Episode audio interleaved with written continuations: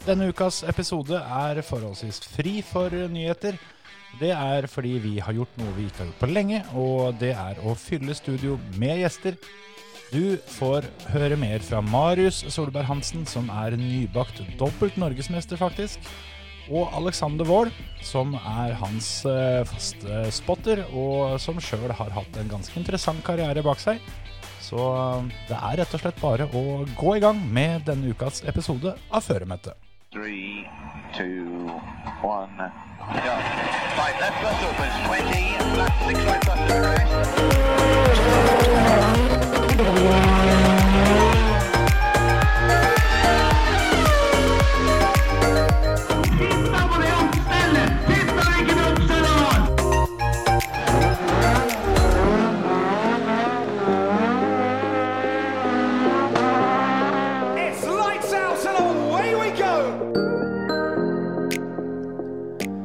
Og velkommen til en ny episode av uh, Førermøtet. I dag så eh, skal vi gjøre noe som vi ikke har gjort på kjempelenge, og det har vi egentlig syntes har vært dumt, så derfor så gleder vi oss til da. For eh, vi har gjester, vi, Terje. Det har vi. Fullt studio. Fullt studio. Klin fullt. Her er det så mye kilo mannfolk nå at det, det men burde mest- nesten stått i reavisa. Det er, mest, det er for så vidt vi som må ta mest av skylda for det, tror jeg, Terje. Ja, det er faktisk sant. Men ja. Nei, jeg tror det blir trivelig. Vi har med oss uh, Marius Solberg Hansen og Alexander Wold i dag. Velkommen til dere. Velkommen. Tusen takk. Dette har, eh, dette har dere venta lenge på. Å komme hit. Ja, ja, ja. Ja. Vi er jo såpass høye på oss sjøl at vi, vi tror jo det at det å få komme i studio til føremøte, det, det er liksom høydepunktet. Ja. Jeg regna ikke med at jeg kunne gjøre noe for å komme hit, så jeg har pusha han i hele år jeg, for at jeg vil på føremøte. Så jeg må jo komme hit mellom han, for jeg har jo gått opp noen kilo og pensjonert meg. Så det er eneste måte for meg å komme på føremøte er jo mellom Marius. Jeg har jo jobba som bare det. Det er bra, det. Da fikk dere til, da. Ja da, Da er sesongen en suksess. Ja, da, da kan vi markere som en suksess når vi har fått eh, blitt tilkalt til føremøte. Men så er det det, det er mange som liksom er litt nervøse for det når de kommer, at det nå er liksom karrieren den går nedover etterpå. Men det er veldig mange som har levert bra etter å har vært her. Det, Frank Tore Larsen har blitt norgesmester etter han var her. Ja, det er faktisk sant. Han Så- har jo vært med halvannen gang. Ja, faktisk.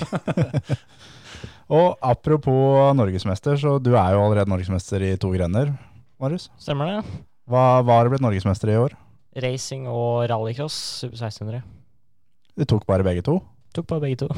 Så har vi, skal vi kjøre bakkeløp til helga, og da har vi mulighet til å bli to eller tre. Ja, så gull er kjørt. Ja, gull er kjørt. Ja. Sølv er gøy det òg, da. Kan ikke bare ha gullmedaljer. Gøy veit jeg ikke om det er, men Ja, Men tre NM-medaljer på en sesong, det, det får være, være greit, det, hvis det er sånn det ender. Ja, vi får se nå til helga om alt klaffer og Mm. alt går bra, så Hvor er det dere kjører den til helga? Lillehammer. Stemmer det. Hunderfossen, er det ikke det? Eller noe sånt?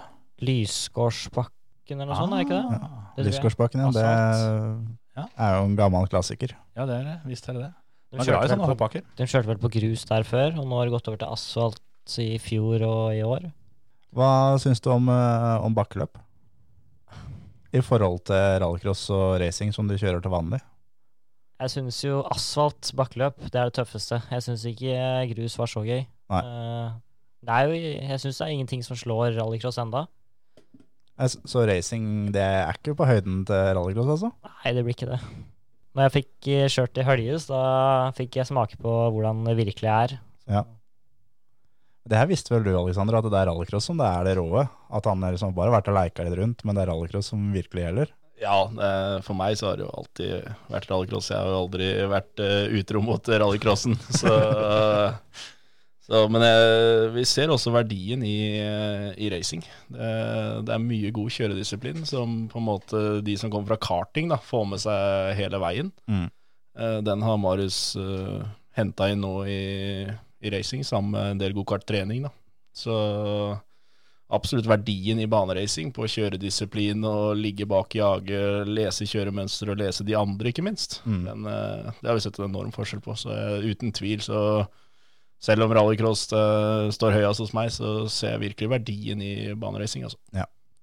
For det Vi kan jo i grunnen ta det først som sist, for dere har jo gjort noe som, så vidt jeg veit, det ingen har gjort før i år. Det var jo en helg som eh, det var NM-runde i rallycross på Momarken, og så var det NM-runde i racing på um, Rudskogen.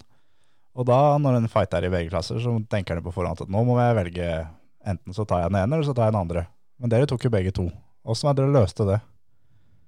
Nei, det Nei, Vi hadde jo en runde sammen i teamet der av hvordan det skulle være mulig. Og det tidsramma det tillatt uh, ikke bil, for å si det sånn. Eh, Det kunne gått i beste fall, men i verste fall så kunne vi missa. Mm. Uh, så var det jo litt att og fram der, og så Da kom jo plutselig helikopteret opp, da.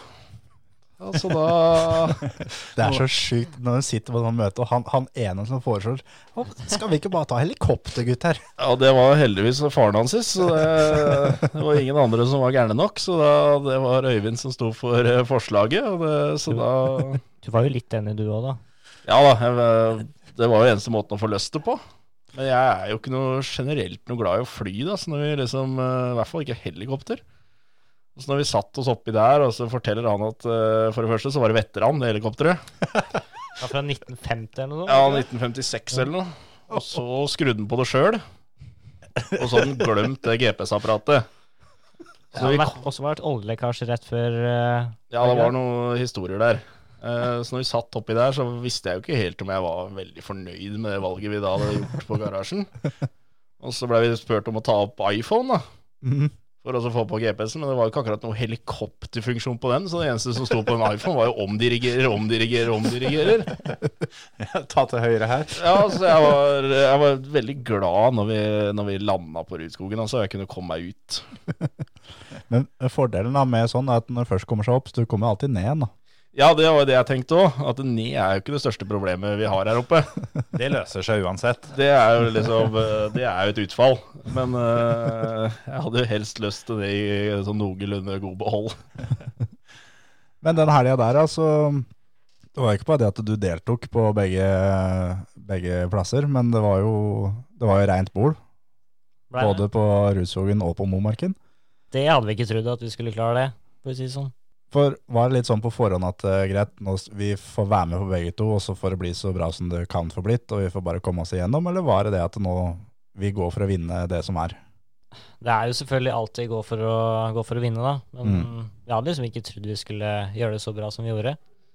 Åssen er den omstillinga der, da? Når du, når, når du har kjørt uh, Altså, nå vet jeg ikke hva du, hva du kjørte først, men uh, om, du, om du kommer fra et eller annet hvor det, hvor det er, er litt oppstell i svingene, og så skal du plutselig hive deg på asfaltbanen etterpå?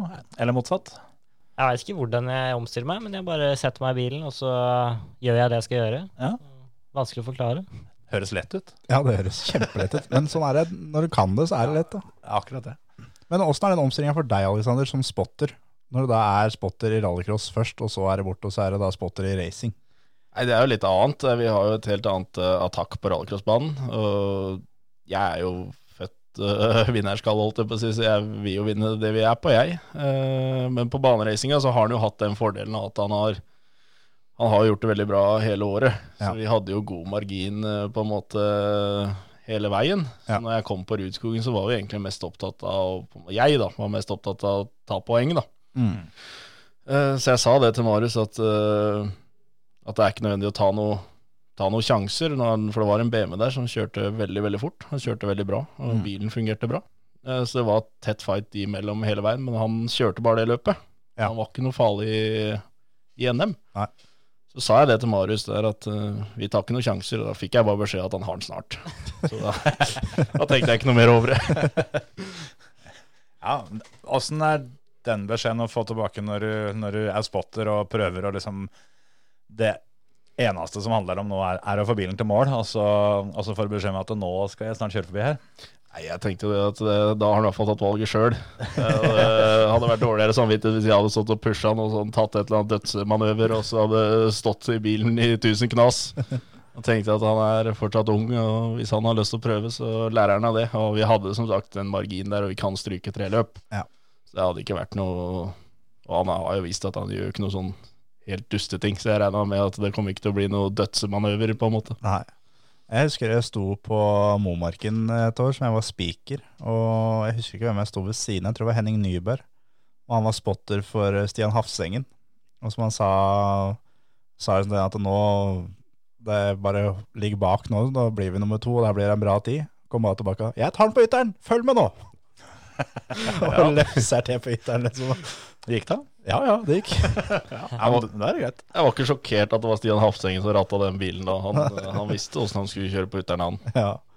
Men du da, Alexander, du har jo, har jo en karriere bak deg, du òg. Du er ikke bare oppsi spotter fordi du syns det er gøy å prate i en radio. Du har jo kjørt litt opp gjennom du òg. Ja da, jeg har eh, kjørt siden jeg var 16, jeg òg. Ja. Kjørt profesjonelt i ganske mange år, og både EM og VM. Så jeg har jo tatt med meg en del erfaring fra profesjonelle team og som, som vi har jobba med, eh, som jeg nå prøver å dele så mye av det jeg kan da, over til Marius og til Jens, da, som jeg også er i familie med. Mm.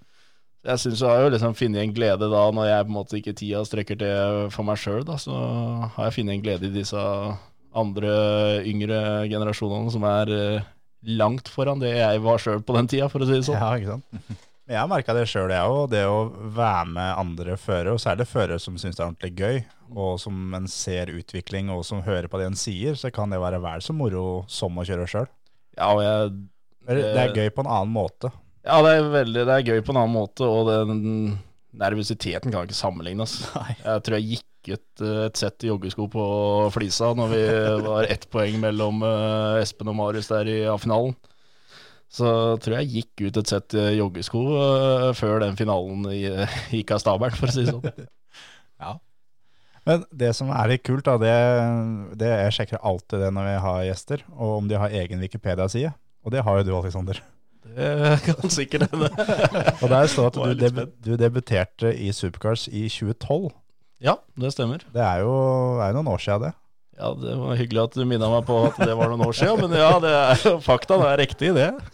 Det var, det var debuten, da. Ja, det var debuten. Men, men det som også står, er at jeg debuterte i Supercars rallycross-EM 2012 for svenske Hans Motor Motorsport, og imponerte umiddelbart. Eh, ja, det, jeg hadde Jeg vil ikke si umiddelbart, men eh, for det første løpet jeg hadde i Lyden Hill, og jeg tror ikke jeg imponerte så mange der. For da regna det, og så ned bakken på Lyden så gikk det jo relativt fort, og jeg var relativt ivrig, kan man jo si, så det endte jo baklengs, da. Ja. Og rett i dekkbarrieren, og der var det slutt. Så jeg veit ikke om jeg imponerte umiddelbart, men løpet etter så var jeg en av to europeiske førere som tok seg til A-finale i Frankrike, og blei også nummer to. Mm. ja, det står det her. Det stemmer det. Ja. Wikipedia-side, det, det, er, det er litt tøft, da. Jeg lurer på når føremøtet får sin egen. Det er på tide. Ja, Det er snart. det, Hvis vi sier det nå, da, så kan det hende at det er en eller annen uh, cal der ute som hører på, som uh, fikser biffen. For dette kan jo folk ordne sjøl, kan de ikke? jo. Ja, det, vi, jeg kan, vi kan ordne det sjæl. Det er, det, det er juks å lage sin egen, men, uh, men, men noen kan kanskje gjøre det for oss. Ja. Da gleder jeg meg til å lese hva som står der. Men det må jo bli et lite mål for deg da, Marius. Å gjøre det han gjorde? Ja, nei, Få altså- egen Wikipedia si. Ja, Ja, jeg må prøve på det. ja, altså det å komme baklengs ned bakken på lyden, det er vel ikke noe mål i seg sjøl, kanskje, men uh, Nei. Jeg har gjort det på dirt, det er ikke noe gøy. Nei, Ja, det er sant, det. det er ikke noe gøy i virkeligheten heller. Det er ikke det. Men jeg uh, tenkte på for din del, Marius. Du uh, Hvor mange år har du kjørt aktivt nå? Jeg har kjørt siden jeg var ni år. Mm. Kjørte ja, fra 2013-2017 kjørte vi crosskart. Mm. Og så begynte vi med Suzuki Swift Cup i England da jeg var 14. Ja. Og så begynte jeg her i Norge når jeg var 15. da. Super 1600. Ja, jeg, men du har vel vært på løp omtrent uh, siden du blei født, eh, går jeg ut ifra? For det, det, det har vel vært et og annet billøp opp gjennom oppveksten òg? Ja, pappa har jo kjørt uh, klasse 4 Mm. i Norge. Uh, så har vært mye på løp. Jeg eh, hørte litt snakk om det at da du begynte å kjøre crosskart, så var det alltid litt sånn Det kunne fort bli litt kaos i teamet rundt deg når det begynte å nærme seg at du, du skulle ut og kjøre, for da var det ikke alltid så enkelt å få tak i deg. Nei, jeg var jo lekte, da. Ja. da var det en eller annen Sandhaug av noen lekebiler, da. Så Det er sånn å være liten. ja, det er sant, det, altså. Skal ha det litt gøy på billøp. Det er viktig, det. Ja, det er det. Jeg kjenner meg så igjen. Ja, det, Fatter'n har gått mange runder rundt og leita etter meg. ja, det har jeg gjort sjæl, faktisk. det hendte det at uh, hvis en fant deg, og, det, og du på en måte holdt på på et sted som ikke det var eh, ikke var farlig, så kunne de i grunnen bare sitte der. Så fikk vi andre litt pause. Ja. Neida. Nei men det er, det er viktig, som du sier, å, å ha det moro. Men du nevnte jo så vidt at du kjørte Suzuki Swift i England. Og det er jo ikke hva skal jeg si, et eh, vanlig valg for en nordmann å dra til England og kjøre engelskmesterskapet i Suzuki Swift. Hva, hva var det som var tanken bak det valget der? Fordi vi kunne starte så tidlig med å kjøre bil. Vi kunne starte når vi var 14 år. Ja. Og i Norge kan du starte Eller da kunne du starta når du var 16, tror jeg det var da. Ja, og så ble det 15 år etter. Ja. Ja. Så det er hovedsakelig det. At uh, alderen Åssen var den der Suzuken å kjøre? var høyreratta, da. ja. Så du lærte deg å gire med venstre? Jeg måtte jo det. Åssen eh, åssen var det Altså, én ting er jo for oss som er vant til eh, sånn som det skal være, men da begynte vel du å, å, å kjøre på gærne sida? Sånn at det ble overgang når du skulle begynne å kjøre bil her hjemme? Det blir jo Vi, vi kjøpte en sånn Suzuki til å ha i Norge å trene med òg, Ja. så vi ble, jeg blei fort vant til det. Men åssen var det da å gå over til en annen bil seinere? Det gikk overraskende bra. Ja. Jeg kjørte jo Har jo kjørt mye på isen. Ja. Da har kjørt Volvo, og da, da er jeg på riktig side. Mm. Det har gått bra, det. Jeg har kjørt høyrerattebil sjøl. Jeg syns ikke det gikk så bra. Jeg har også gjort det. Det, det ble med den en, ene gangen. Leiebil, eller? Verdens raskeste bil. Leiebil. Jeg var på førerutvikling med, med en fra, som eh, drev med det i England. Da kjørte jeg høyreratta bil. Det var jo seinere tid. Jeg var vel eh, 19-20 år, tenker jeg. Tok en halv dag før jeg liksom eh, unngikk å bomgire. Altså. Det, Idet du ser gire, så slår det i ruta. ja, det, det var ofte jeg tok i det døra, dørhåndtaket der. Det tok litt tid. Jeg syns det tok lang tid før jeg fant riktig dør når jeg skulle inn i bil. Det har satt meg på gærne sida hele tida. Det er når vi var eh, Jeg har vært i England flere ganger, men den ene gangen når vi var hele familien flåten i England, i, i Manchester, og vi hadde tre leiebiler, og, og fattern heiv seg ut av gærne veien i rundkjøring, da, da blei det litt, eh, litt trafikk. Får opp pulsen da. Ja. Jeg, jeg holdt uh, følge med en helt til da, men det, der slapp jeg faktisk. Da skal jeg få lov til å Det klare seg det. da. ja. Nei da, det er uh, en spesiell opplevelse. Men uh, hvor lenge holdt du på med det borte i England, da? Det var bare én sesong, eller ett år, da. Åssen gikk det? Eh, Debutløpet vant vi, faktisk, Skjedde det? på Silverstone. Uh, Det er litt fett, da. ja, Bare debutere på Silverstone. Ja, det var fett. Tenkte du at eh, den serien her, det er lett? Nei, absolutt ikke.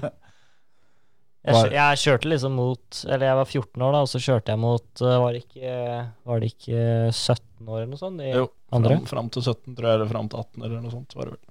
Så du var liksom han lille drittungen? Jeg var lille drittungen. Han så sånn ut. og For å si det. han eh, var eh, en meter lavere enn de han sto på pallen med der. Ja. Det er sånn nedtur å stå på tredjeplass og se ned på han som ble, ble nummer én. Ja, det, det gjorde han faktisk òg. Åssen ble dette mottatt av den gjengen der borte, da? Jeg går vel ut fra at det ikke var så veldig mange andre herfra som var der og kjørte? Uh, jo, det var eh, Var ikke eh, Kristiane eh, Vål Eng Ja. kjørte Ja. faktisk eh, samme året. Det er jo også kusina mi, da. Ja. Så hun også kjørte England eh, sammen med oss eh, der nede. Var det du som trakk i noen tråder som gjorde at hun kjørte der, eller var det egen frivillig? Nei da, si? det ble egen frivillig, det. Så de er jo hjemgamle. Ja. Så da, da falt det naturlig for de å prøve det. Mm. Og hun hadde veldig veldig bra utvikling der nede òg, så jeg tror det var sunt både for eh, Marius og Kristiane å være der nede. Men åssen var det det på en måte begynte med, med dere to, da? Åssen var det du bestemte deg for at nå skal jeg hjelpe Marius til å komme opp og fram her i livet? Nei, det var jo Jeg møtte jo søstera hans, da. Da, Da var det gjort. Da, da var det gjort, egentlig. Eh, Det, var det liksom da på første date, at det, hvis det blir oss to, skal jeg hjelpe broren din? Ja. Ja, det var jo det jeg solgte meg sjøl inn med. Så da, da satt det tydeligvis høyt. Da, så da, nei da, men det blei jo naturlig der. Jeg har jo, ja, som vi var inne på innledningsvis, så jeg elsker motorsport. Ja. Eh, Marius begynte da med crosskart eh, på samme tida som jeg og Martine møtte hverandre, holdt jeg på å si. Mm. Og da har jeg jo egentlig fulgt han siden eh, han begynte i crosskart. da. Ja. Så det blei egentlig bare naturlig. Jeg takka jo ikke nei til å, til å være med, jeg, så lenge jeg har tid og mulighet. Så du allerede den gangen at uh, det her er et talent som kommer langt, eller er det noe som du har måttet jobbe med grundig?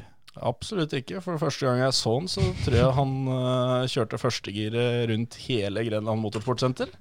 Stemmer det? Jeg tror ikke vi, jeg tror ikke vi nådde andregir uh, en eneste gang, så her tenkte jeg heller det at det her er ikke håp. Her er det, he, det her er helt svartmart. Men, det er bare å pakke sammen og dra hjem. Ja, det var liksom det bare, her, her har ikke jeg noe jobb med, i hvert fall, så da tenkte jeg det her er bare å dra. Ja. Nei, jo, det, de unge, det er, det er helt utrolig den evnen de har til å bare fra første gang de setter seg og prøver noe, og så neste gang så må du liksom bare gå opp i karten og så se om det faktisk er samme person som sitter her, for du kjenner ikke igjen, på en måte. Det er Utviklinga går rett i himmelen. Så det Så vi tok det bare egentlig steg for steg i hans tempo, og det, det gikk jo veldig, veldig, veldig bra i crosskart òg. Hva er eh, beste resultatet du sitter igjen med fra crosskartkarrieren? Det er jo norgesmester der òg. Siste året jeg kjørte eh, 85, Ja. ble det. Ja. Så har jeg to sølv og en bronse. Ja, Ett sølv og en bronse, tror jeg. Så det er ikke første gang du skal på NDF-gallaen i år? Nei, det er det ikke. Så du har sittet der og klappa Ja, men det er så lenge siden, jeg husker ikke. ja. Det tar like lang tid i år som det gjorde før. Ja, det tar lang tid. Det er biff tartar til forrett i år òg, helt sikkert. Ja, det er det hvert år. Hvordan, eh, da er det vel kanskje mulighet til å kanskje legge inn et lite ord om at de kan prøve å, å sette opp de NM-finalene på forskjellige helger herfra, da. Ja, det syns jeg. Det kan vel hende at det, det du gjorde i år, egentlig løste den saken der. For det, det fikk jo litt oppmerksomhet, dette her, da, når dere var ute og fløy helikopter. Ja, det gjorde jo det. Uh... Og så skal det jo nevnes at både Rudskogen og, og Momarken var jo Hadde ikke vært for de, så hadde det ikke vært mulig. Nei. Så arrangørene, de respektive to arrangørene der, det var jo de Bare må rette en stor takk til de. For det var jo de tilrettela og gjorde det de kunne for at vi også skulle få det til. Mm. Hadde det vært ordinært løpsoppsett, så hadde vi ikke, da hadde vi ikke klart det. Nei, For de endra på tidsskjemaet for at du skulle få det til. De endra på tidsskjema i racing, og Marius fikk også lov å kjøre helt etter eh, alle andre på trening på Momarken. For han var jo kjørte tidskval på lørdagsmorgen. Ja. Og så dro han fra, i bil da, fra Rudskogen til rallycross, og da rakk han jo ikke rallycross-treninga. Men uh, det også sier jo mye om Motorsport Norge. Alle konkurrentene til Marius eh, signerte at han fikk lov å kjøre etter klasse fire. Så han fikk også kjøre rallycross-trening på morgenen da, på lørdag. Da. Så det er kjempebra. Det er, det er imponerende, faktisk. Ja, det er, eh, det er jo alltids noen der ute som har så mye, så mye konkurranseinstinkt at det er en åpning, så tar de den. Men uh, på akkurat sånne ting så føler jeg at uh, de aller fleste er, eh, er stort sett spiller på lag. Ja, det var det vi opplevde, og det var eh, ingen som sa imot. Og det, det var jo bare en trening, så det var jo ikke noe konkurransefortrinn i, i den grunn. Men samtidig så Du veit jo aldri. Nei, nei, nei. Alt kan skje. Ja, så det, alle var medgjørlige, og da, da klarte vi å løse det. Jeg husker jeg la merke til på For når det ble flydd helikopter, så det var ikke vanskelig å se at du, Marius, syntes det her var jævlig kult. For det var noen Instagram-storyer og, Ja, det var det. og litt sånn da. Og la merke til at når det da kom fram, så var du da oppsi, med hjelmen fortsatt på. Og da sto det oppsi, elektriske sparkesykler sto klare, og det hadde gjort litt forarbeid der for at ting skulle gå smooth. Ja da, det hadde vi. De sto og venta på oss og hadde rigga da landingsplass på Rudskogen der. Og så sto en av teammedlemmene til Marius med to sparkesykler, så vi fikk bare kjørt de rett bort. Og vi hadde med oss intercomen da, fra DS3-en som vi hadde måttet ta med fra Momarken. Og så kobla den i, og satte han i bilen og kjørte. Ja, det er imponerende, altså. Ja, det er, det er, det er litt tøft. Jeg syns det, altså. Hadde dere, hadde dere på en måte to eh, team den, den dagen? At det var én gjeng på, på hver bane? Altså, det er jo ett team, team, men vi måtte jo dele litt. Ja. Og så han ene mekanikeren, Bjørn Lund, kjørte jo historisk samme helga, Mm. racing. Så det løste mye da, når han fikk kjørt der. Ja, For det er jo litt folk som er med deg vanligvis når du, når du er på løp. Det er ikke bare, bare dere to som drar. Nei, det er veldig mange flotte mennesker som er med og hjelper til. Jeg tok basteferja hjem om søndagen og så en hel haug med teamklærne dine, så det er uh, Hvor mange er dere er sånn rundt regna når dere er på løp? Det er så forskjellig, fordi liksom, noen har mulighet da, og noen har ikke mulighet. og Jeg veit ikke hva vi pleier å ligge på, jeg. pleier vel å være en eh, Nå har det jo vært litt eh, restriksjoner òg under korona, så nå har det variert litt, i hvert fall etter hva som er lov. lov. Vi Ja. har jo måttet forholde oss til covid-reglene. Men så på gjennomsnitt, hvis ikke det er noen regler, så tenker jeg vi er en seks-sju stykker. Ja. Har alle oppgaver? Eller er det noen som er der kun for å kikke? Vi kunne nok eh, vært litt flinkere på å gi på en måte oppgaver, for at det skal bli litt mer eh, system, men ellers så syns jeg det har funka veldig bra. Vi Ja. har oppgaver til de fleste. En ting som jeg, også, som jeg kom på her nå i stad, at eh, på både racing og rallycross så hender det at man blir intervjua rett etterpå. Og svaret ditt har som oftest vært at 'jeg veit ikke hva jeg skal si'. Er, er, er det da sånn for neste år at du skal finne ut hva du skal si, eller er det, blir det nå Ja, det blir... Blir det da standardfrasen oppsi, herfra til du er i VM at eh, 'jeg vet ikke hva jeg skal si'? når jeg vinner EM eller VM, da skal jeg si det. Ja, det er greit. Ja, det innspillet der har jeg fått òg, faktisk. At det, vi, vi skulle spørre om det. Men eh, det er jo Det blir jo fort et slags varemerke, da. Ja, det har blitt det nå, hører jeg. Ja. Og så ser jeg at du har uh, henta inspirasjon fra Sebastian Fettel med, med pekefingeren. At- Sånn, ja. ja. Nummer én. At det er det, blir det også da varemerket framover? Ja, Få se. Må vinne, da. Kan ikke stå på andreplass og gjøre sånn, det blir dumt. Ja. blir nummer fem, står ved siden av pallen. Nei, Det er et godt poeng, det. Men det, da er vel svaret 'håper det'. Ja, håper det. Har dere fortsatt eh, med det bikkje når du er på løp? Ja. For eh, jeg har fått et lite spørsmål om eh, du kunne fortelle litt om en gang dere skulle flytte til Trondheim for å kjøre crosskart, og hadde litt dårlig tid. Kan hende Alexander uh, var med da, det er jeg ikke helt sikker på. Men uh, jeg har fått et lite innspill skjønner du, fra, fra noen som har tipsa om det at dere punkterte på vei til Torp og fikk det skikkelig travelt og fikk litt, eh, fikk litt hjelp av Fikk litt hjelp av Rogeren som kom, eh, kom eh, tilfeldigvis forbi med lastebilen og fikk kjørt dere til Torp. Ja, det stemmer kanskje, det. Jeg, jeg begynner å huske dårlig. Ja, du er jo 17, er ikke? Jeg tror ikke jeg var med da, men jeg Nei, ikke med. jeg har hørt historien om at den bikkja gjorde det fra seg inne på det flyet, og det var Ja, det, eh, det husker jeg. Ja, det var noe, det var noe greier med bikkja og ikke andre Det var noen flypassasjerer som ikke var helt fornøyde med at den lille bikkja var med inn på det flyet, tror jeg. Det var det han skulle fram til. Ja, Kan jo skjønne det. Ja, for så vidt. For så vidt. Nei, men eh, Det er godt å høre at, uh, at bikkja fortsatt får lov å være med på tur, sjøl om det har Ja, den- vært en annen episode. En ny bikkje nå. Ny bikkje, ok. Ja, bikkje. Ja. Ikke samme. måtte bytte den ut. Egna seg ikke på flytur. Etter den flyturen. Sorry, men du blir hjemme. Ja. Ble bytta. Ja, ok. men hva er eh, tankene for neste sesong, Marius? Det er hovedsakelig RX3. Mm. Full satsing der. Du har kjørt litt i år òg, har du ikke det? Jo, kjørte Høljes Ja. et løp. Det ga mersmak. Veldig. Blir det flere eh, runder i år, eller? Eh, nei, det blir det ikke. Så det er full sesong der neste år. Hva, hva er målet ditt? Det er vanskelig å si ennå. Vi må på en måte Veit ikke hva jeg skal si. Jeg. Det. Jeg vet ikke hva jeg skal si. Nå prøvde jeg ikke å si det, men målet må jo bli å stå med fingeren, da. Ja. Igjen. ja, enten pekefingeren, eller så kan du da ta den ved siden av. ja, ja, ja, ja. Sant. Men eh, du, du følte ikke at nivået på Høljes var sånn at eh, jeg tror jeg må bli hjemme i Norge og trene mer først?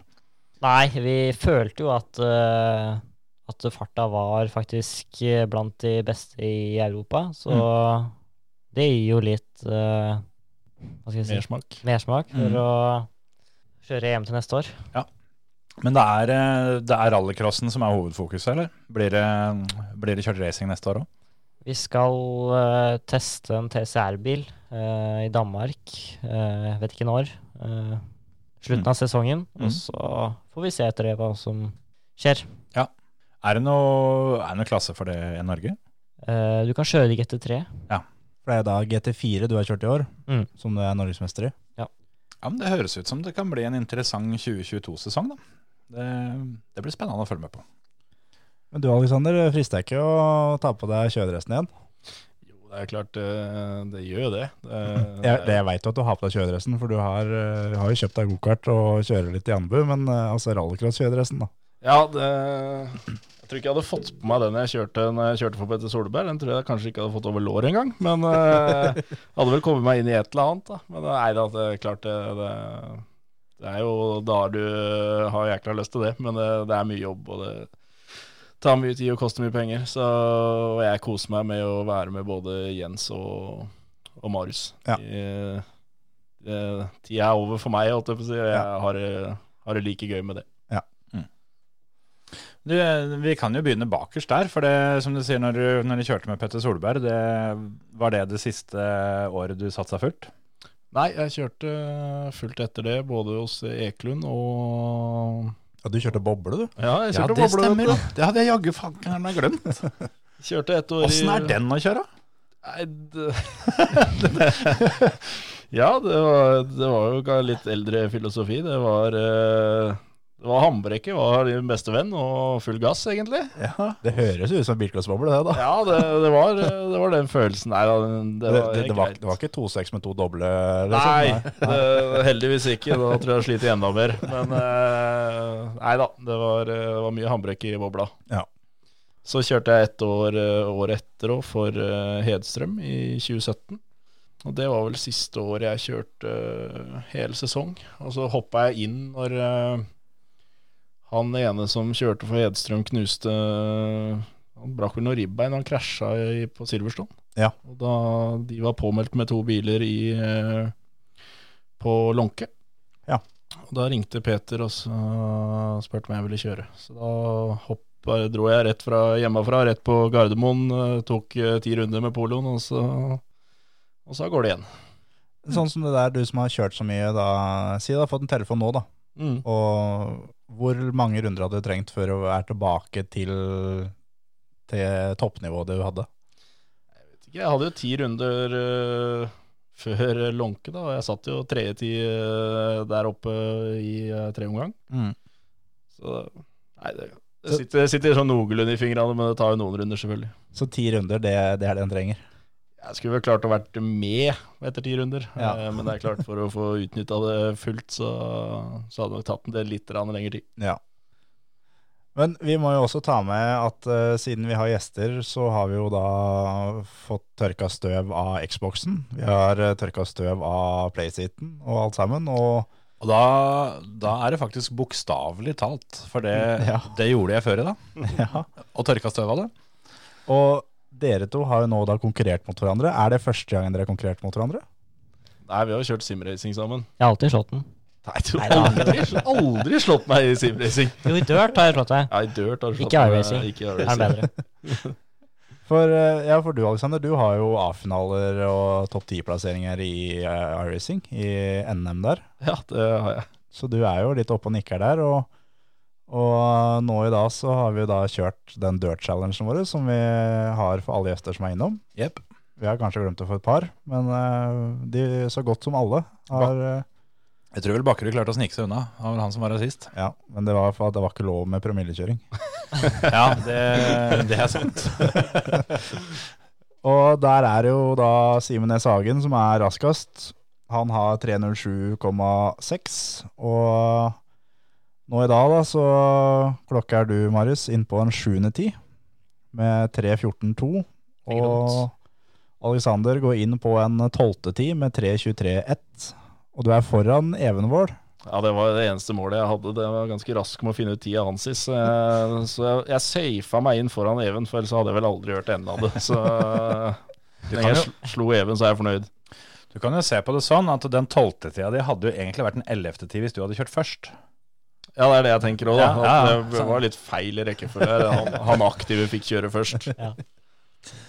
Men eh, apropos eh, Even, eh, det er jo onkelen din, ikke sant? Det stemmer.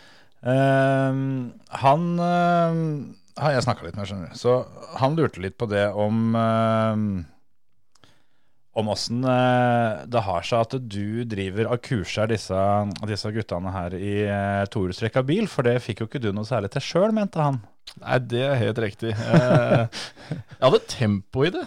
Jeg, hadde, jeg tror det året jeg kjørte 1600, så var det ikke mange tidstreninger. Det var den gangen vi kjørte tidskjøring. Det var ikke mange tidskjøringer jeg ikke var raskest. Nei.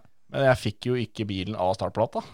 Jeg klarte ikke å starte med den bilen, så jeg kom jo alltid, alltid ut uh, nummer tre, fire, fem, jeg. Og da sto jo pappa som regel og reiste seg i håret, da, for da gikk det jo støtfanger her og sideskjermer og, og dører, og det, det meste gikk jo egentlig så det spruta. Så det Nei, så der, det hadde jeg ikke noe Det var ikke noe stor suksess, det.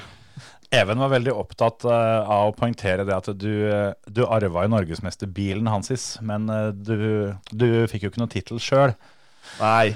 Sånn at eh, da er det gnidd inn. Hilsen onkel, fikk jeg beskjed om å si. Ja, han, han pensjonerte den eh, norgesmesterbilen når jeg, når jeg hang etter den med den der Toyota Starleten min på flisa det året. Da tror jeg han følte at jeg var litt nære, men jeg, jeg klarte nok ikke Even tok jo alle startene med den eh, bilen. Jeg tok jo ikke en Jeg tok én start, og det løpet vant jeg. Ja. Det skal sies at den, eh, den situasjonen med Starleten, eh, det har han heller ikke glemt. Eh, Og det, det irriterer han til den dag i dag, for som han sa, at han, han kjørte denne, denne saksoren som var altfor dyr, og du kom i Evens ord en skikkelig drittbil av en gammel Toyota Starlet. Og uansett når han kikka i det speilet, så var det speilet fullt av Starlet. Ja, jeg, jeg fikk en til å gå fort eh, rundt Flisabanen. Ja. det, det var gøy, det å henge på. Men han eh, Men det har egentlig Even alltid vært god på, det er å få de bilene av startplata. Det, den eh, egenskapen uh, arva ikke jeg, for å si det sånn. For jeg fikk den bilen aldri av startplata.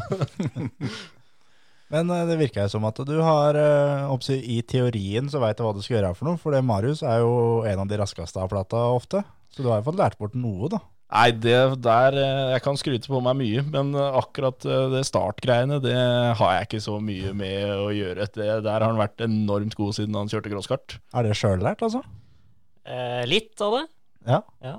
Så han Nei, helt fra vi kjørte crosskart, så har han vært enormt rask på lampa og fått de crosskartene og av plata. Det har han jo tatt med seg nå over i 1600, så jeg logger bilen og forteller han at eh, motoren er sånn og sånn, jeg vil ha den der og der, så det, det turtallet der vil jeg ha. Mm. Eh, hva han gjør inni der etterpå, det eh, skal jeg aldri legge meg borti, for det funker.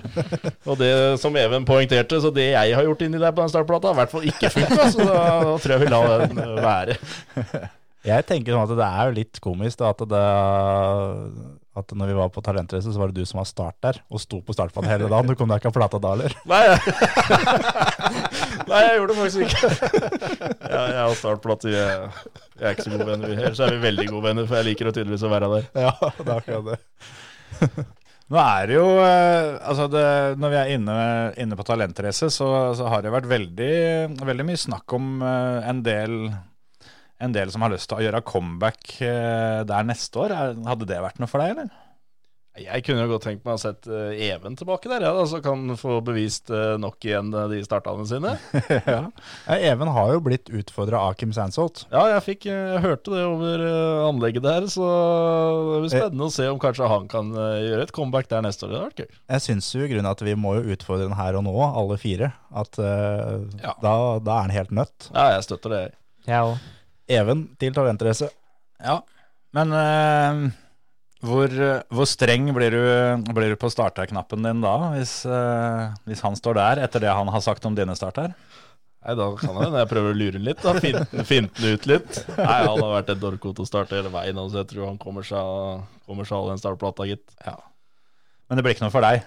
Nei, jeg tror ikke det. Hvis Even skal kjøre, så må jeg ta over noen roller. For det går, I den grad det går an å fylle hans rolle på Grenland, for den er ganske Den må ha ti andre, tror jeg. Ja, han sto ikke mye stille i løpet av den helga der når vi eh, var der, altså. Nei, apropos å, å kunne gå ut et par joggesko på en dag, så, så tror jeg han prøvde. Ja, det er enormt den innsatsen han har gjort uh, på Grenland der og for Mm. NMK Grenland. Så det, det er det bare å ta seg hatten for. Det er imponerende.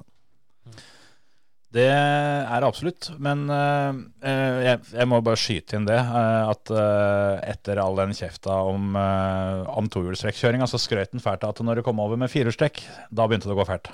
Ja, firehjulstrekk, er klart. Og så var det en veldig god lærekurve, og det er den jeg prøver å ta med meg. Jeg kjørte jo da Jeg debuterte jo i 2011 i supercar med en Olsberg Fiesta. Eh, igjen så måtte jo pappa rive seg litt i huet, for jeg hadde aldri rulla den Toyota Starleten. Og jeg hadde heller aldri rulla den 1600-bilen. Men uh, når jeg fikk den superkaren, da, så skulle jeg rulle. Og det var jo ikke av de tre kategoriene, så var jo det den dyreste. Ja. Så jeg fikk jo rulla den superkaren i Tsjekkia det første året jeg prøvde der nede. Men uh, også en liten tur uh, på Lyden Hill der som er baklengs ned bakken, og etter det så løsna det. Ja. Da, men det, det hjalp veldig å kjøre for Hansen, og det er jo mye av den lærdommen uh, der som jeg sitter igjen med. Mm. Den grunnbasen min, da, den kommer jo fra, fra Team Hansen. og Det er jo den jeg prøver å føre over på de, de yngre. Mm. Hansen er jo enormt smart. Han uh, har dratt på seg mye erfaring mellom veldig mange EM-titler. ja. Der går det litt på både på og utafor banen, ettersom jeg har skjønt. Ja, han er veldig nøye på begge deler. Mm. Eh, alt fra oppførsel til hvordan, eh, hvordan vi skal kjøre, til feedback, til, til å være delaktig. Til å vise interesse. Eh, Mm. Han setter krav til deg som fører, og også til teamet rundt. Så det er liksom totalpakka er bånnsolid profesjonell. Er det oppsett, noen punkter som du fører over til, til Marius? At det er, setter du mye av samme krava, eller er det litt uh, snillere? Nei, jeg er nok eh, ganske streng. Jeg har jo snakka til diverse familiemedlemmer når de driver og skryter av han i høy og utide hele tida. Jeg har noen sånne litt sære regler på det, som jeg mener at uh, dere får lov å skryte han i fem til ti minutter. Etter det så vil jeg ikke høre noe mer om det, egentlig. Da, da skal vi ned igjen på jorda, og så skal vi gjøre neste delen av arbeidsoppgavene. Eh, når vi er ferdige for helga, så kan dere skryte av den hele uka for alt jeg bryr meg om, liksom. Men når det på en måte nærmer seg neste løp igjen, så, Det er nullstille, ja. så skal det nullstilles. Mm. Det er en jobb, og det, særlig når du er 17 år, så er det, er det lett å bli svevende på skyer. Ja. Og i rallycross, som jeg har, har en viss erfaring fra det, så jeg vet jo at det er eh, kort vei mellom himmel og helvete. Åssen syns du det har fungert, Marius? Er den, eh, er den hard? Eh, ja, han er hard. Nei, du ser jo det, det har funka kjempebra.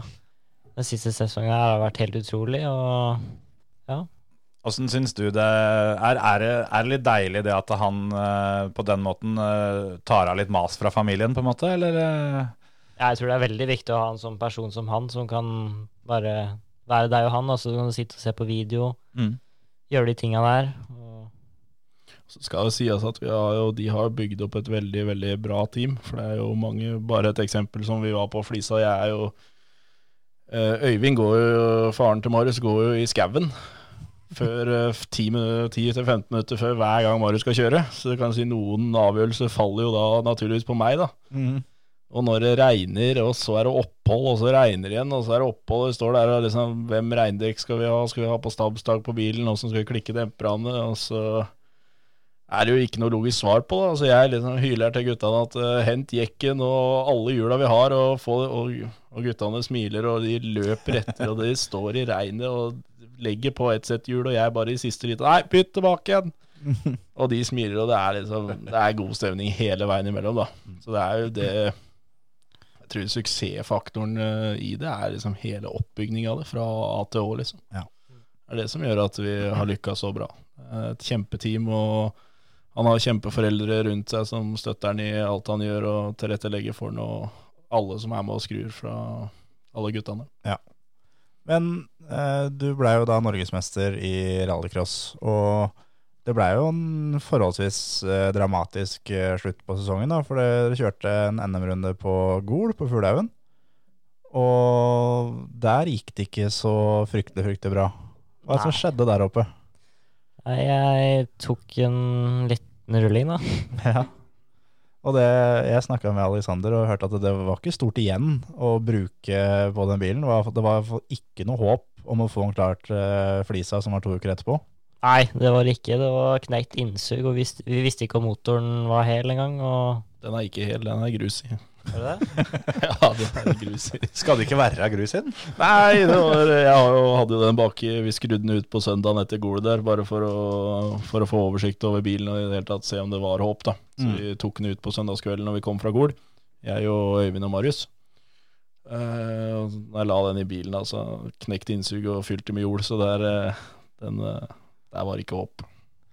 Men der og da, da, når, eh, når du håper ligger på huet der, eh, og du går ut av bilen og det er bare et vrak, hva, hva gikk gjennom huet ditt da? Tenkte du at nå er NM kjørt, eller tenkte du at det her har vi fortsatt mulighet? Det var helt svart. Jeg husker ikke, jeg var så sinna. Fikk du hjelp, eller var det din egen skyld? Eh, det var min egen skyld. Ja. Skulle prøve å ta i lille ekstra inni jokeren der, og så kutta jeg 30 cm for mye. Så gikk det ikke. Nei.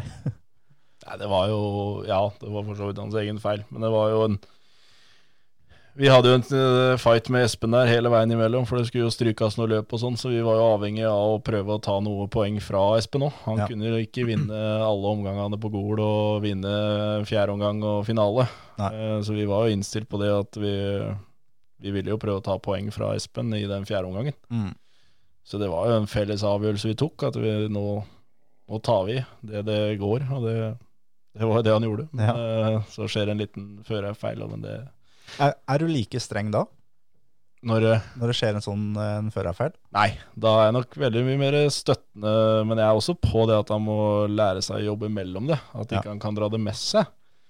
Men jeg, det er ikke noe, jeg blir ikke noe irritert eller sur, eller, for det, det fikser han på seg sjøl nok eh, fra før. Annet enn at jeg trenger Du ville ikke du ville ikke stått i andre enden av den radioen idet han lå på taket der, i hvert fall. Da, eller var på vei over. For da var han jaggu sur nok på seg sjøl. Så jeg trenger ikke ta den rollen da. Da tar jeg heller mer en eh, litt annen vri på det, og så prøver jeg å få han, eh, få han vekk fra det. For det får aldri gjort noe med det, du får aldri tatt det med deg, du får aldri tatt det igjen. Så det er, liksom, det er bare å glemme det, og så lære av det, og så gå videre.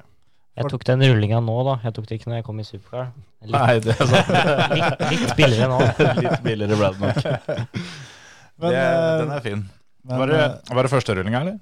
Uh, ja, vi hadde sånn halvrulling på Ørskog og Høland Rally, Ja. faktisk. Men ellers så tror jeg ikke Nei. Nei, men Det er godt å, godt å få det unnagjort nå. Ja. Godt poeng, det. Men det var jo som, eh, som du sa, Alexander, du snakka med meg tidligere, at du syns ikke rullinga så så veldig fæl ut. Og du hadde jo samla gutta med ruter og den store slegga, og nå er det bare å få det her klart igjen. Det men, var det, det- men det var verre enn en frykta.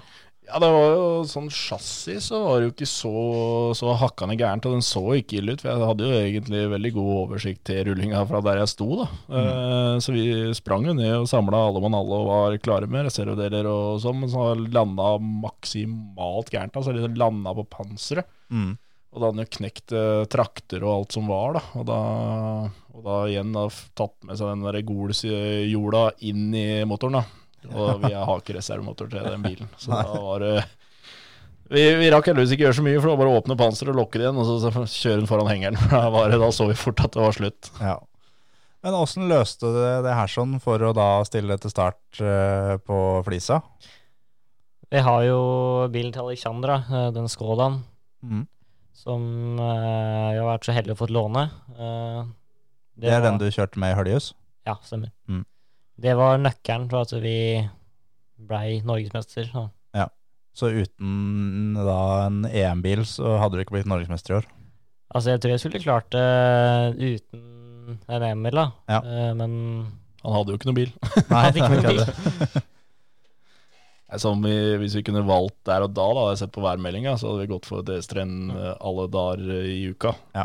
For det, på regn så har vi Vi har så god kontroll på den DS3-en uansett værforhold. Og når vi så åssen været skulle bli på flisa der, så var det jo den bilen vi hadde mest lyst til å, var klar. Eh, Skådan så dro vi innom på Gardermoen og vanna startplata på vei opp til flisa, for vi har aldri prøvd den på regn engang. Så vi sto der oppe med hagaslange og vanna startplat og tok en fire-fem regnstart der, og det var det. Og da satte vi ned hengeren og dro oppover. Det er imponerende faktisk det. Og jeg hadde ikke klart å tenke så langt igjen, tror jeg, med, med å vanne plata. Nei, Vi tok uh, flere vannslanger og vanna hele veien utover, så jeg skulle få loggført av hastighet 0 til 60, da, for det har jeg jo loggført med DS3-en. Så vi satt på samme hjul som vi har på DS3-en, og så vanna startplata, så jeg kunne logge forskjellene. da, til jeg klarte å se om jeg fant noe som uh, fungerte. For når vi var nedpå ned Talentrace, når vi var ferdig med premieutdeling og alt sammen, så sto jo du der klar med både DS3-en og Skodaen og testa der sånn. Og var det for å se forskjellene på bilene, hvem som gikk fortest, eller var det bare for kjøretrening?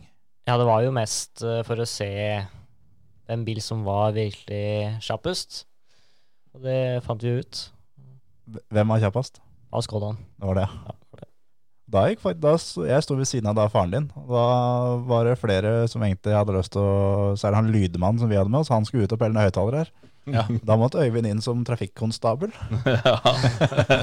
Ja, Nei, det, det, det var litt artig, det å, å få sammenligna dem der sånn der. For, eh, for oss eh, Vi hadde jo for så vidt sett på biler hele helga, men det er rart med det. At når du er ferdig med løp, så vil du jo egentlig bare tilbake på løp. Ja. Så det, det, var, det var helt topp, det. Det var eh, absolutt musikk til arbeid når en skal drive og pakke ned etterpå. Det er grom lyd i de 1600-bilene når de ja. går for fullt. Det er tøft, det. Ja, det er rått, altså. En, eh, en annen ting som jeg tenkte på, for det når dere er ferdige her hos oss, så, så skal vel dere en tur over til Østfold, stemmer det? Ja, vi, vi reiser hjemom, og så reiser vi i morgen tidlig. Våler ja, skal vi. Våler, ja. Ja, det er jo ikke Østfold. Jeg, jeg trodde det var det før. Det er, ikke- det er ikke så lenge siden. Er helt siden vi hadde, hadde Bendiksen sjøl her, at eh, jeg fikk eh, oppklart det. At, eh, for det, det er jo Våler i Østfold òg, men det, Ja. det er ikke det samme. Nei. Nei, men Så dere skal dit, ja. Hva er det som skjer der? Bilsporttalentet. Tøft. Og der er du med. Ja. Onsdag og torsdag. Hva er det det går ut på, litt sånn enkelt forklart? Det går ut på å kjøre bil, fysisk test, presentasjon, uh, goalkartkjøring og simkjøring og ja, alt det der. Et uh, ordentlig sånn allround-opplegg, som det er deg og er det fire andre uh, ungdommer som, eh, som konkurrerer. Hva, hva konkurrerer dere om? Konkurrerer om eh, 300 000, da. Ja. Og så har jeg ikke helt satt meg inn hva det andre er, men ja. Det er Sa, jo, Samme det hvis han får 300 000. ja, det er det. Eh, så er det jo heder og ære, da. Det er klart. Det er det. Det er jo et par kjente navn som har eh, vunnet dette før. Det er litt det å stå på den lista, at en har uh, vunnet i Mm. Altså Foreløpig så er det jo likt med meg, for jeg òg har jo vært med. Du har ikke vunnet? Nei, Så nå, nå har du jo sjansen, sjansen nå har du sjansen til å komme foran meg der, da. Nei, men har, du- du har ikke blitt norgesmester i klasse 1, du? Nei, det har jeg ikke. Da er du foran meg der, da. Men eh, du var med i fjor, var det det? Ja. Så i år er siste året du kan være med, eller? Uh, nei, det er det ikke. Du For kan det år, året i fjor telte ikke. Nei. Så du har i året og ett år til, eventuelt? Ja. Det er ganske mange kjente navn som har vunnet det greiene der før. Mm. Det er Emil som var med her tidligere, han har ikke vunnet det, men han vant i årets bilsportsutøver. Mm. Og han også har sagt det at det å bare stå på den lista, og være liksom Når de leser opp tidligere vinnere, at navnet hans blir nevnt, det er ganske kult. Mm. Ja da. Jeg tror- Stor prestasjon, det. Ja, det er du Det er jo, det er jo en ting ingen kan ta fra deg noen gang. Mm. Som, eh, det, er for, eh, det er for historien. Hvem, eh, hvem ser du på som den store utfordreren? da? Har du, har du spekulert noe i det? Hvem av de fire? Ja. Eh, jeg har egentlig ikke tenkt så mye på det. Nei. Jeg tenker bare gjør det beste jeg kan, og Alle må slås uansett, si. ja, de må det. Det er jo fire mildt sagt talentutøvere talente utøvere, er det også. Det, det blir beinhardt. eh, Så vi må bare gjøre, dra dit og gjøre de arbeidsoppgavene vi skal, og gjøre det beste vi kan. Så De som da skal være med, er da Nikolai Halldammen, Andrine Rafoss, Emil Sivesin og Martinus Stenshorne, i tillegg til deg. Det er det, er jo altså. det er noen talenter der. Ja, det er det. Det blir, eh, det blir tøft beite. Hva, hva har du gjort for å forberede deg, eller tar du det bare litt sånn som det kommer? Altså, det har vært ekstremt mye jobb, skole, skruing, så det har liksom ikke vært tid til de tinga der å trene og Eller jeg kunne sikkert fått til det, men jeg føler at jeg ikke har orka det, på en måte. Nei. Men ja, jeg føler at vi er sånn cirka klare. Så Du kjører jo bil eh, noen ganger hver dag, Ja. av en eller annen type form. Mm.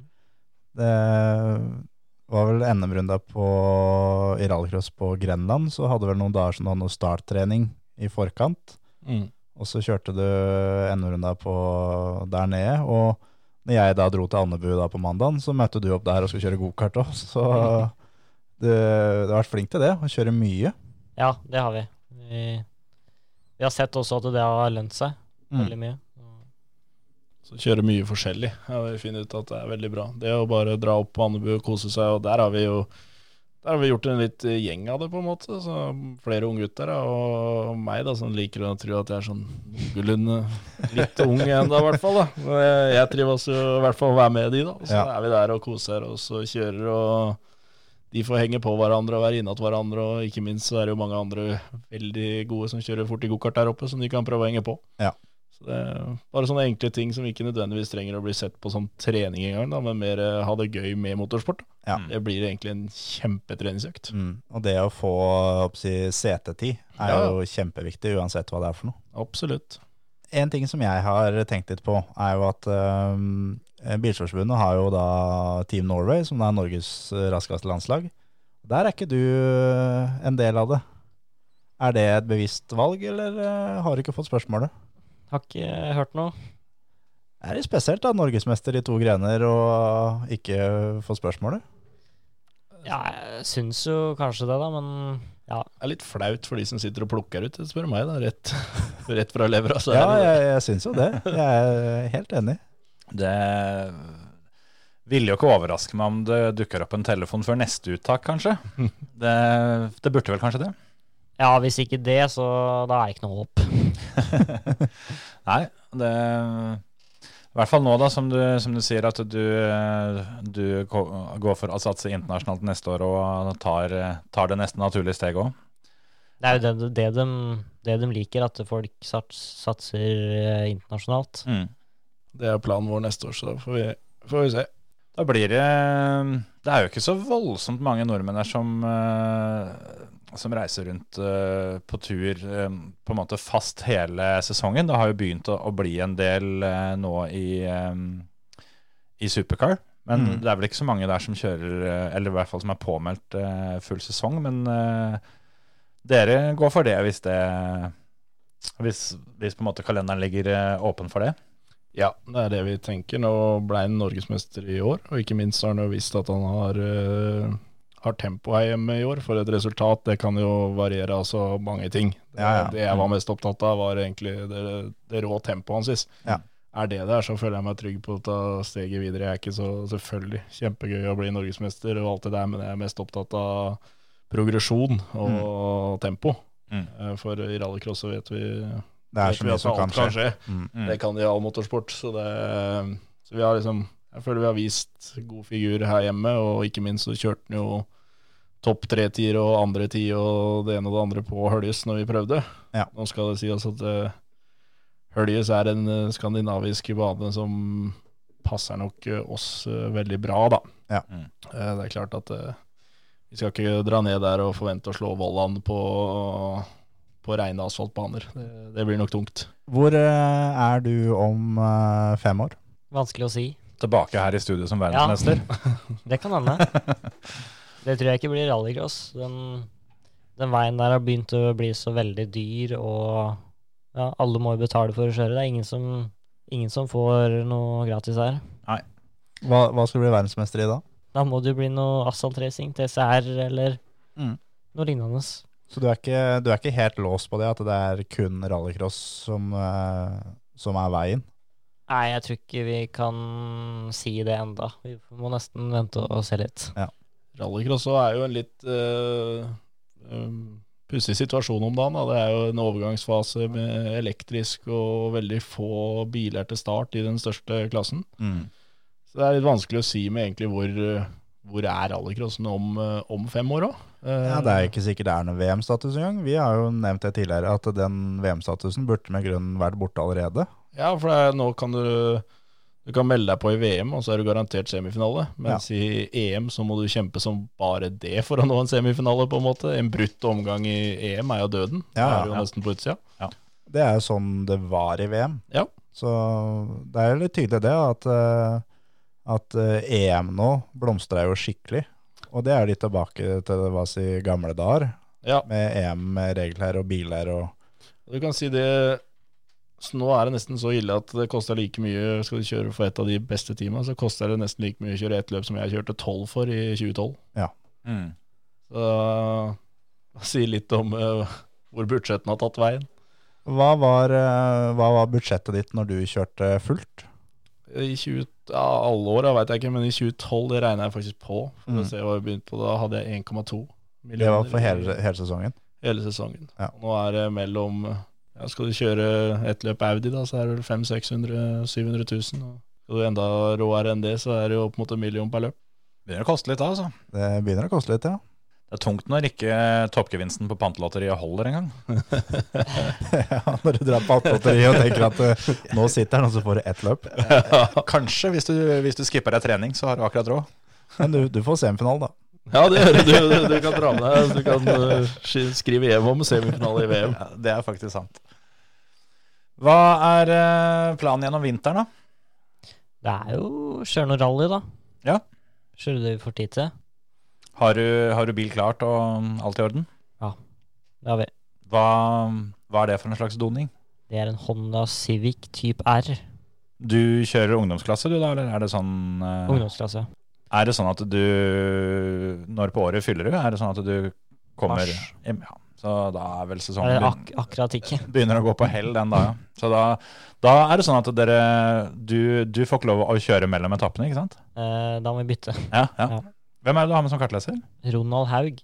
For, for der er ikke du, Alexander. Ja, Nei, eh, så gode livsforsikringer finnes det ikke. Eh, Så det, det velger jeg å stå over.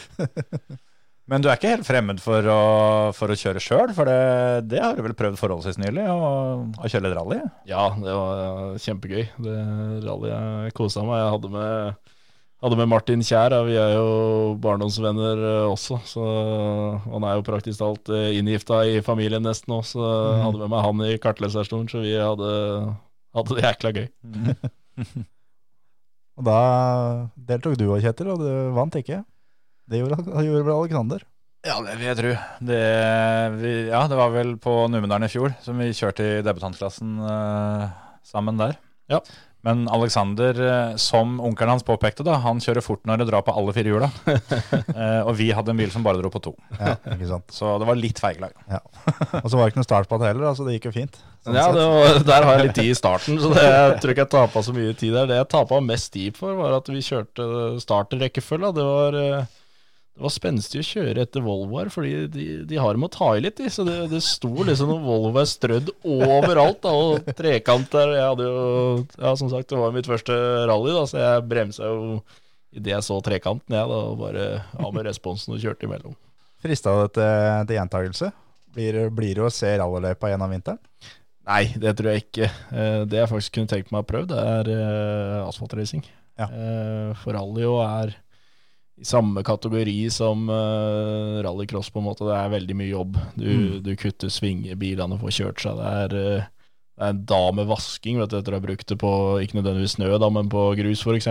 Ja. Mm. Uh, mens baneracing, det, det kunne jeg nok faktisk tenkt meg kanskje prøvd enda. Få tak i en TCR-bil der sånn, så kan dere jo stille i team. Ja, det var det vi, vi skal prøve sammen. Mm. Så da får vi se, da. Kult. Der har jo du forholdsvis bra kontroll eh, på den digitale utgaven, Terje. Kanskje Ja. du må komme med noen tips? Ja, det, jeg har eh, internasjonale seirer i TCR på iRacing, så det er bare, å, det er bare å spørre hvis det er noe du lurer på. Stemmer det, det sa du at du kjørte det, ja. Men uh, hvis du kunne valgt uh, helt fritt, Marius, uh, hva ville du kjørt for noe Ja, kanskje allerede neste år, da. Hvis du kunne valgt én spesifikk bil og én spesifikk klasse som du hva, hva er drømmen, på en måte? Hvis du ser bort ifra penger og tid og alt sånt nå. Drømmen har jo alltid vært supercar. Ja. Det er jo de flestes drøm. Hvilken bil ville du valgt, da?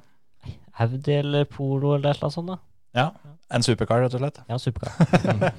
en Grommen. Et Audi eller Polo eller Ford eller eh, Ja. Nei, ikke Ford. Ikke Ford, nei. Peugeot? Eh, ja. Ok. Ja, det er, jo ikke, det er jo ikke feil svar, det. da. nei. Det er jo forholdsvis heftige greier, ser det ut for. En ting som, eh, som jeg føler vi er, jeg er nødt til å spørre om før vi, før vi gir oss. Og du Alexander, du Jeg tipper dette har med supercar eh, Ja. å gjøre, det, ja. Ja, Mm. Men Og- ikke Audi eller Ford eller nei. Nei. Det er korrekt. For i 2013 så avslutta du sesongen med å vinne i Østerrike og på Estring. Mm. Og var jeg på en måte Altså, du var den beste av alle sammen. Ja, da- en av de i hvert fall. Ja. Og til 2014 så gikk jo du da inn eller fra Hansen og til Petter Solberg sitt team. Mm. Og det fikk jo en ganske lei eh, utvikling. Hva, Ja. hva var det som eh, egentlig skjedde da? For da tok jo du over bilen som Petter kjørte i 2013. ja.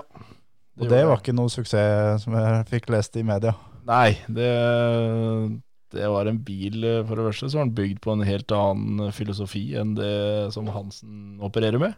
Bygd på filosofien til Petter med at alle kjører fort på asfalt. Det er grus som gjelder. Det var nok eh, Det var der det lå. Det var eh, det var traction, traction, traction, og så var det å hjelpe til der du ikke fikk styra med tombrekk. Eh, og det var jo ikke akkurat det den skolen jeg hadde gått i i to år, for å si det sånn. Der var jo, Hvis ikke du klarer å kjøre bil med rattet, så skal vi gjøre den sånn at du, du får kjørt den med rattet. Ja. Det var jo mer Hansen-filosofien. Så det, det var et tungt uh, år, og samtidig så gikk utviklinga framover, og Petter bytta motor i sin bil, mens jeg uh, kjørte med den eldre. Ja. Og det var et vesentlig effektforskjell i de to. Da. For den sesongen der så valgte du da rett og slett å bryte med teamet midtveis. Mm. Eller litt over midtveis, var det vel. å og gå ut. Var, var det et vanskelig valg, eller hadde du kommet til det punktet at det var enkelt? At nå er jeg bare ferdig? Det var enkelt. Ja. Jeg hadde konkurrert i 2012 og vært egentlig konkurransedyktig hele veien, og kjørt, følte da, da at jeg hadde kjørt såpass mye at jeg, jeg hadde ikke stille opp for å bli nummer 15, for å si det sånn. Jeg Nei. hadde vunnet i løpet i den klassen, og jeg ja, konkurransemenneske har lyst til å vinne. Og når jeg skjønte det at det, har ikke kjangs, jeg bruker så mye reisedager, så mye tid og så mye penger, og så blir du nummer 12 og 10 og Ja. sånn, det, det var ikke gøy. Jeg, jeg husker jeg tenkte at det her blir helt drøyt. Med, da, med Petter som hadde levert noe helt eh, ekstreme tider, men ikke noen særlige resultater. Eh, og du hadde levert noen ekstreme tider og resultater. Få dere to sammen nå, så det her skal dere faktisk stå opp for å holde følge med. Mm. Men eh, det blei jo ikke sånn. Nei, det, nei, det var eh, veldig, veldig, veldig filosofiforskjell på, på de to teama, egentlig, eh, sånn sett. Som gjorde det utfordrende for meg å kjøre sånn som jeg hadde lært å kjøre bil da, over to år. Så det var klart det var en læringsprosess for meg å, å være hos Hansen i de to åra. Mm.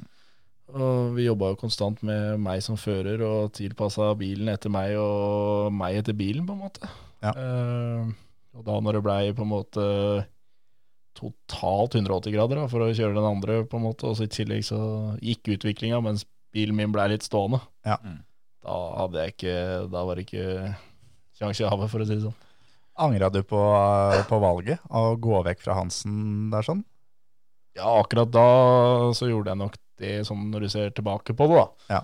Men uh, hadde jeg gått tilbake der og ikke visst utfallet, så hadde jeg jo gjort det samme igjen. Ja. Ikke sant? Så det er jo Skal du da angre, eller skal du Ja. Det er lett å angre i ettertid, da pleier jeg ikke å gidde å bruke så mye tid på det. Men, men sånn når du, når du har fått det her noen eh, år på avstand, så er vel kanskje dette her en erfaring du, du til og med er litt glad for at du har hatt, med tanke på at du nå jobber med yngre førere, og, og har med deg den der i, i, i bagasjen. da. Absolutt. Og så har jeg jo Etter jeg kjørte i Hansen, så hadde jeg jo et vinnerteam. Ja. Etter det så har jeg jo ikke vært i noe soleklare vinnerteam, for å si det sånn. Jeg kjørte, som vi var inne på her innledningsvis, en boble. Mm. Og den var jo ikke akkurat lettkjørt, da. Og hos Hansen så husker jeg liksom kunne komme inn og være lynforbanna om at eh, jeg kjørte som en dass, på en måte. da Det var ikke bra, det jeg drev med der. Mm. Men bilen var så bra da at eh, selv liksom at jeg klarte å kåle det til litt her og der, så var jeg liksom si topp åtte, da. Ja, du var med, liksom. Mens i beateren så husker jeg kjørte ene Det var i Sverige, når vi kjørte Rally X. Så kom jeg inn, og da hadde jeg på Knut, Ring Knut Storp. Og da hadde jeg altså Det var ingenting jeg klarte å sette fingeren på som jeg gjorde gærent. Jeg følte jeg liksom hadde treffet overalt. Jeg huska ikke jeg hadde kjørt engang. Og da har liksom, det har alltid vært min greie at når jeg bare ikke vet, husker noen ting, liksom, da har jeg vært i min egen verden, og det liksom bare har Det er bare bare flyttet på, ja. sittet, da. Og da husker jeg det. Da tok jeg bobla til en fjerde tid. Jeg tror, jeg tror faktisk ikke den da i dag at jeg har kjørt en bedre omgang Enn da, enn, enn det jeg gjorde den omgangen der. Og det ble en fjerde tid. Ja, ikke sant. Så det er litt uh, Det å jobbe da med det du har, og det å aldri gi opp og bare Ok, ja, det styrer jeg ikke så bra til venstre når du vrir på rattet til venstre, liksom, men du må bare gjøre det beste ut av det du har, og ta det til mål. Så det å jobbe med deg sjøl som fører og få det til, det, er klart at du drar med deg lærdom av det. Åssen eh, var det å jobbe med da Per Eklund kontra Kenneth Hansen? For Per er jo litt av en figur. Han er litt av en kjempefigur, han, og så på en inspirasjon å være med i teamet hans stedet for at eh, han var først oppe om morgenen og sist gikk og la seg, han, og så var han jo, begynner han å bli oppe i åra, da. Ja. Og fløy rundt i alle telter og snoka. Ja, ja, nå, nå kjører de regndekk, og ja, nå ser det ut som de vurderer tørt. Og han var jo, det er jo brennende rallycross-sjel fra topp til tå, så det, det var en opplevelse, det. Han har begynt å kjøre igjen uh, sjøl. Han kjørte vel Høljes i år, han Ja. var, ikke? Jeg så det. Med, med bobla. Med bobla. Det er den samme bobla som, som har vært hele veien, det, som, som Henning kjørte en del løp med og sånt òg? Ja, Henning og, Henning og prøvde bobla. Mm.